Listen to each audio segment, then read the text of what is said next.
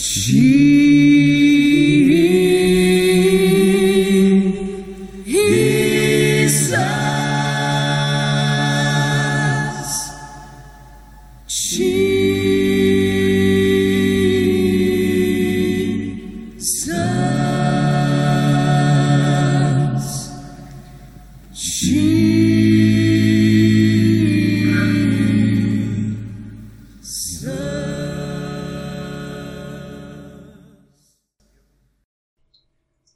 Välkommen till en spännande resa med Jesuspodden. Dagens avsnitt heter Sabbaten blev till för människan. I dagens Jesuspodd får vi höra talas om sabbaten, som i en del svenska bibelöversättningar kallas för vilodagen. Själva tanken att vi människor mår bra av en rytm av återhämtning en dag i veckan möter vi redan i Bibelns första bok, Moseboken. Där läser vi om hur Gud själv vilade på sjunde dagen, efter det att han skapat världen.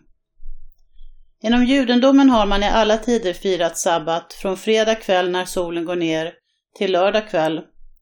Under detta dygn arbetar man inte, inte ens mat lagar man till. Istället fyller man dagen med vila och glädje.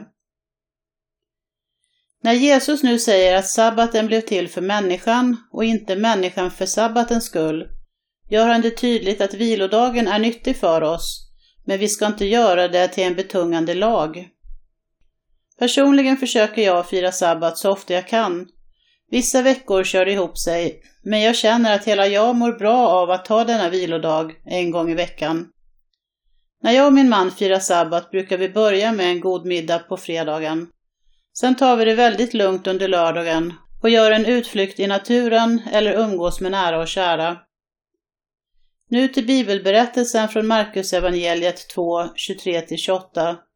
Lyssna så får du höra. En gång när det var sabbat gick Jesus och hans lärjungar genom några sädesfält, och medan de gick ryckte hans lärjungar av ax. Fariseerna sa då till Jesus, Varför gör de så där? Det är ju inte tillåtet på sabbaten.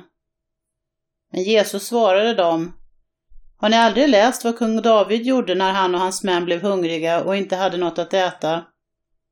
Han gick in i Guds hus, templet, och åt av skådebröden som bara prästerna får äta av och delade dessutom med sig till de andra. Sen sa Jesus till de religiösa ledarna som kallades fariseer. Sabbaten blev till för människan och inte människan för sabbatens skull. Därför är Människosonen också herre över sabbaten. Jesus.